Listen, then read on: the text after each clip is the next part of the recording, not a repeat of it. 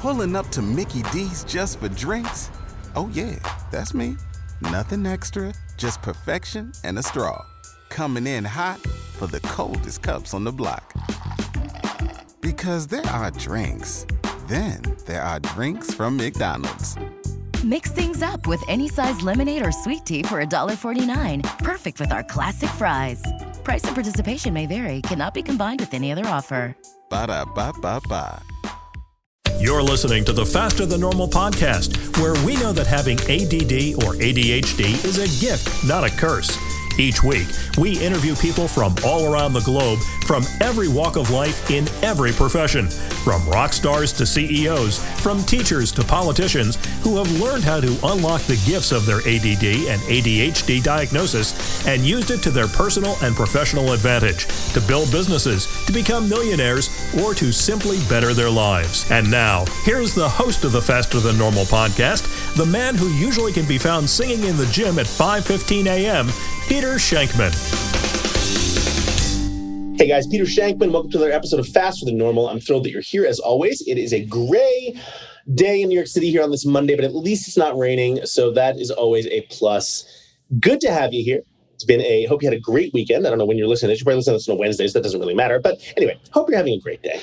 Want to introduce you today to Dr. George Sachs. Dr. Sachs is co-founder and clinical director of Inflow, the first science-based digital program for managing ADHD.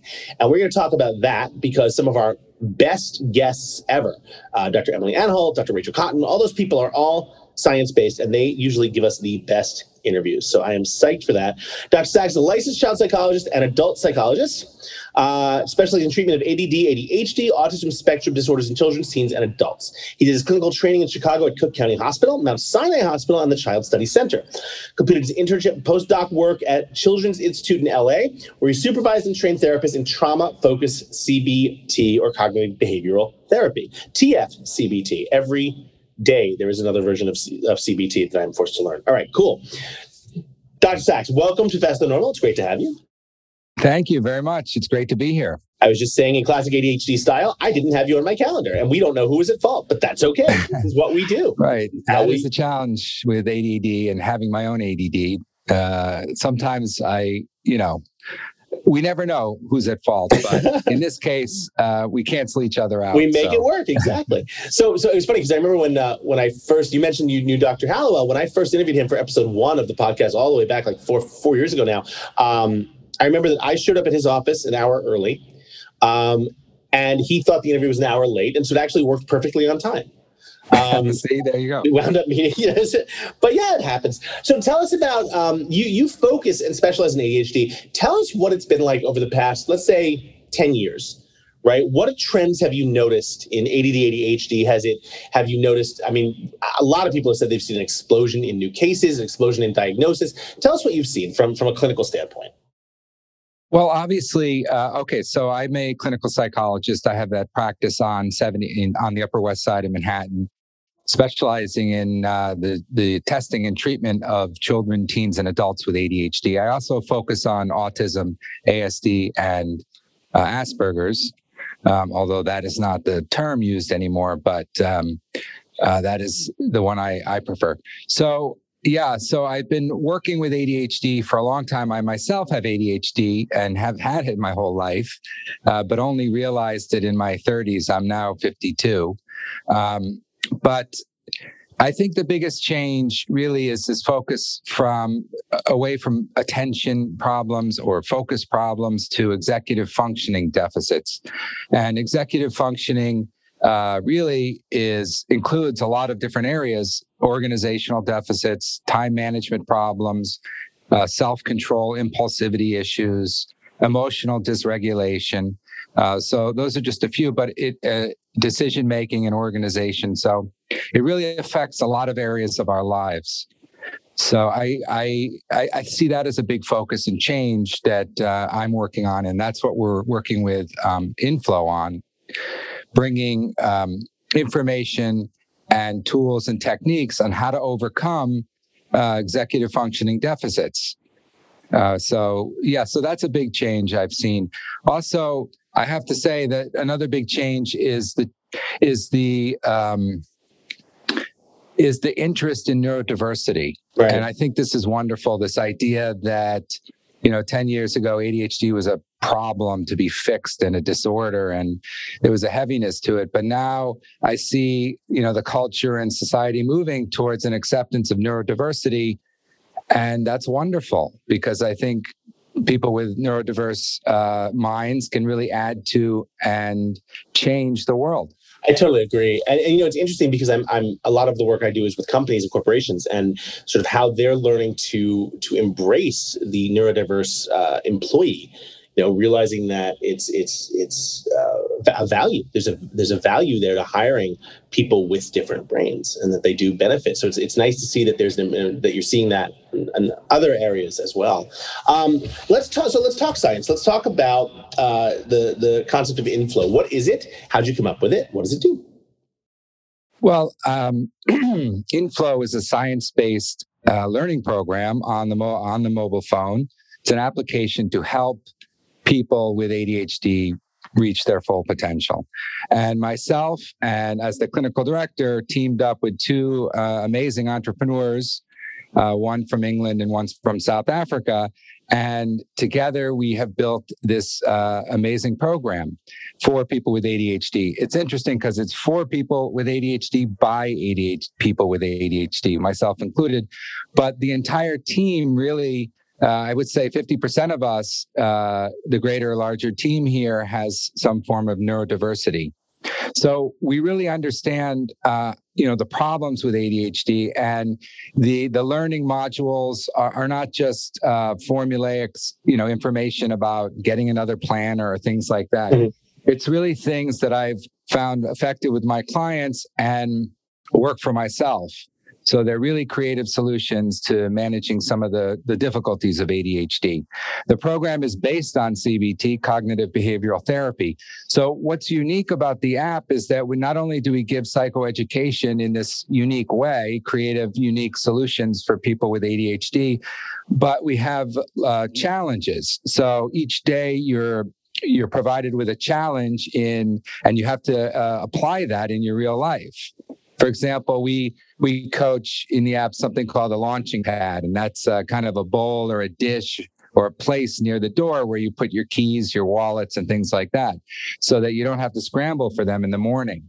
And then the the challenge is you have to actually use it and then come back on a daily basis to the app and swipe that you've you've done right, it. And right. of course, over time, it becomes habitual, and a new tool is learned. Interesting. What? How, talk about how you believe that technology has helped people with ADHD. You know, for me, I, I, mean, just before we started, I shut off my my my living room thermostat by by asking you know my computer to do it right automatically. And so, what happens? Uh, in a world where technology is so ingrained from kids as young as you know birth right i mean my daughter is, is almost eight and she especially with everything that's going on with COVID, you know, is as almost as computer savvy as I am, right? And so, so how does tech? How do we make sure technology is a help and not a hindrance?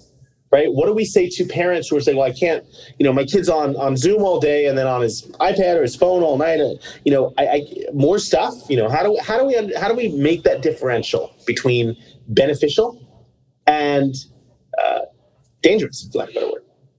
Well, uh, it's a good question. And I get that a lot in my practice, particularly from parents of teenagers and, and children.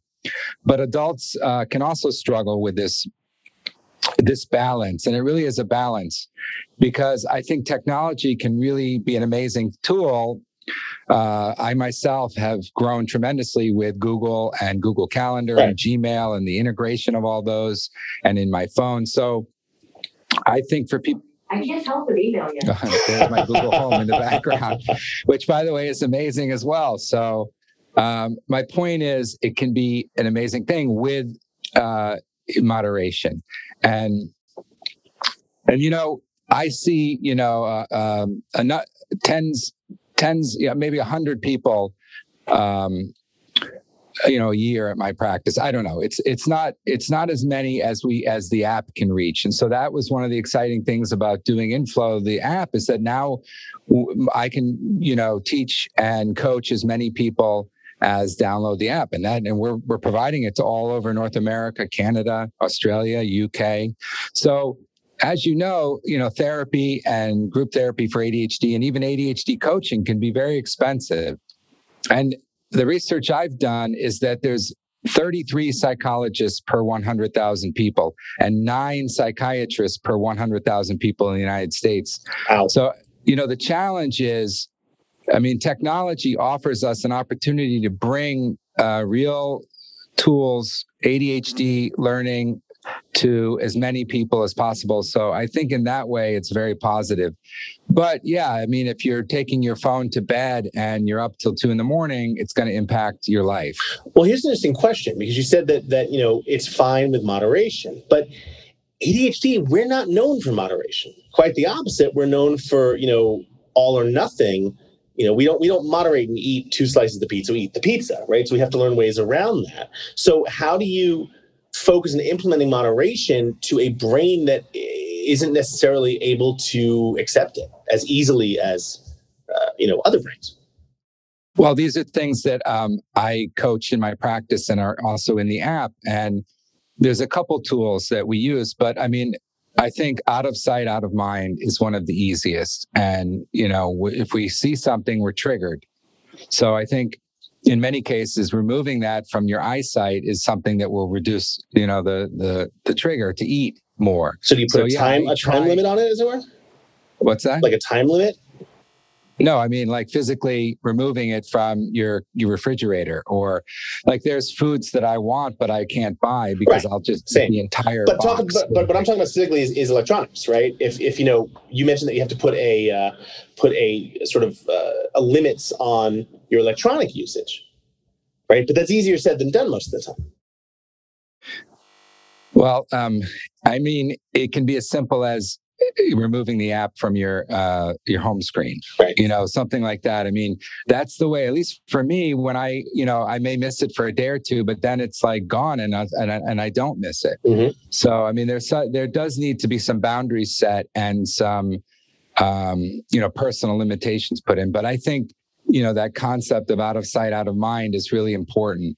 Um, the other one which is harder to develop but i think the best actual treatment for adhd is mindfulness and meditation. And some people say well i can't do that. That's you know i can't sit for any period of time. But what we um, one of the modules in the in, inflow app is on mindfulness. And it's just i mean it's really just creating a sense of of being in the present moment and slowing ourselves down so that we can make better decisions about whether to indulge in that thing or to you know impulse buy that thing.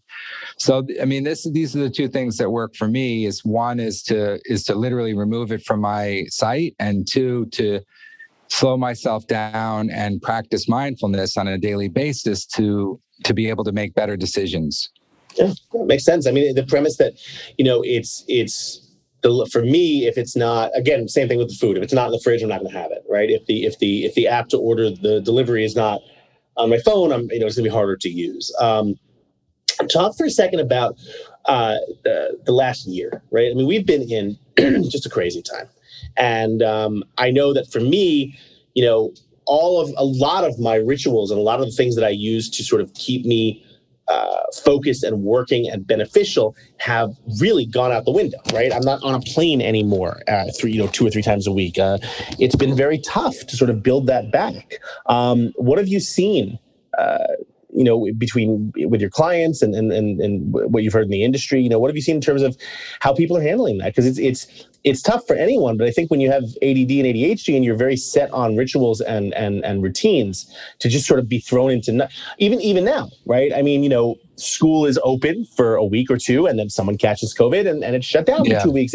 You know, there's no there's no uh, stability anymore. Yeah, I mean, I you know what? It's really interesting. It's been a, a, year, I think, and about a month ago, I started seeing you know people really crashing, mm-hmm. and particularly teenagers were really suffering uh, because they need that social interaction, and kids too. Um, but with ADHD, yeah, we need the we need the uh, the script, we need the the rituals, we need the the the outline of how we're going to go, and and not have to think about it Um, so, any tips really- on, or recommendations on what what kids uh, or you know even adults can do to sort of get a little bit of that back when it's hard to find? Okay, well, this is a big um, a big tool that I like, and I call it externalizing the motivation. And most people with ADHD struggle uh, to get things done and to do things because, as uh, Dr. Barkley says, one of the gurus in the field, he says that the internal voice of willpower in people with ADHD is weak. So we actually have to externalize it. And for me, that means I've really put everything on um, anything that I struggle to do, I externalize. Um, and so if I need to do some writing, if I want to do some creative writing, I'll join a creative writing class. If I need to work out, I I I will, you know, there's a tennis court near me. I'll I'll take a class. So I I I've accepted my ADHD, which by the way is the first step. And if we accept it, then we realize we can't really do things by ourselves, and we have to find external support, a class, uh, an accountability buddy, a, a teacher, um, a program. And so anything like that.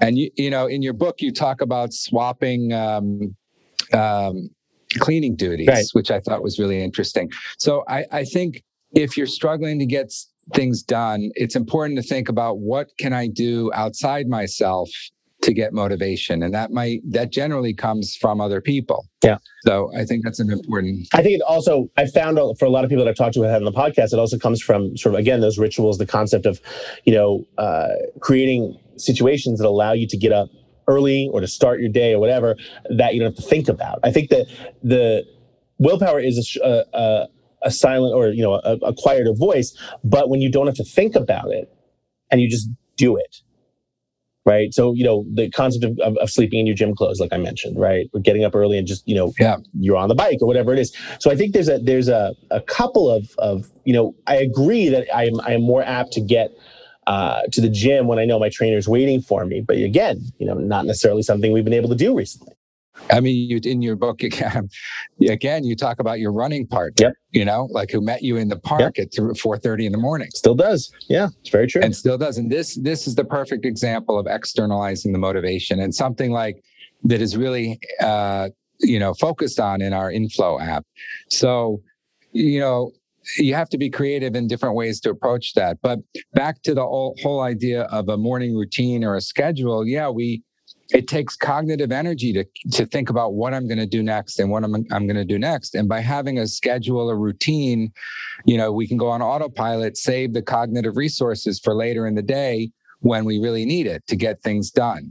So, you know, it is important to have a schedule and also the external accountability from a friend or some other support system. Makes sense to me. Doctor, how can people find you if they want to learn more or reach out to you? Well, they can uh, find me. You can download the app uh, at the at the Google Play Store or the um, the Apple Store. You can look for Inflow ADHD. The app will be available in April, April 5th. Awesome. And you can find me, uh, just Google me, George Sachs, uh, psychologist, ADHD, and you'll find my practice here in New York City. Very cool, Dr. Sachs. Thank you so much for taking the time. Truly appreciate it, and uh, we will we will definitely have you back. I'd love to hear how the app's going. Have you back in like six months or so, and, and talk some more. Okay, thank you very much. Thanks, guys. As always, Faster Than Normal. We appreciate you being here. ADHD is a gift, not a curse. As long as you know how to use it, use some of the ways Dr. Sachs just talked about. Let us know what works for you and doesn't. Leave us a review if you'd like. Shoot me a note, peter at shankman.com or at Peter Shankman on all the socials. And either way, we'll see you next week. And we thank you for listening. You've been listening to the Faster Than Normal podcast. We're available on iTunes, Stitcher, and Google Play, and of course at www.fasterthannormal.com. I'm your host, Peter Shankman, and you can find me at petershankman.com and at Peter Shankman on all of the socials. If you like what you've heard, why not head over to your favorite podcast platform of choice and leave us a review? The more people who leave positive reviews, the more the podcast is shown, and the more people we can help understand that ADHD is a gift, not a curse. Opening and closing themes were performed by Stephen Byram, and the opening introduction was recorded by Bernie Wagonblast. Thank you so much for listening. We'll see you next week.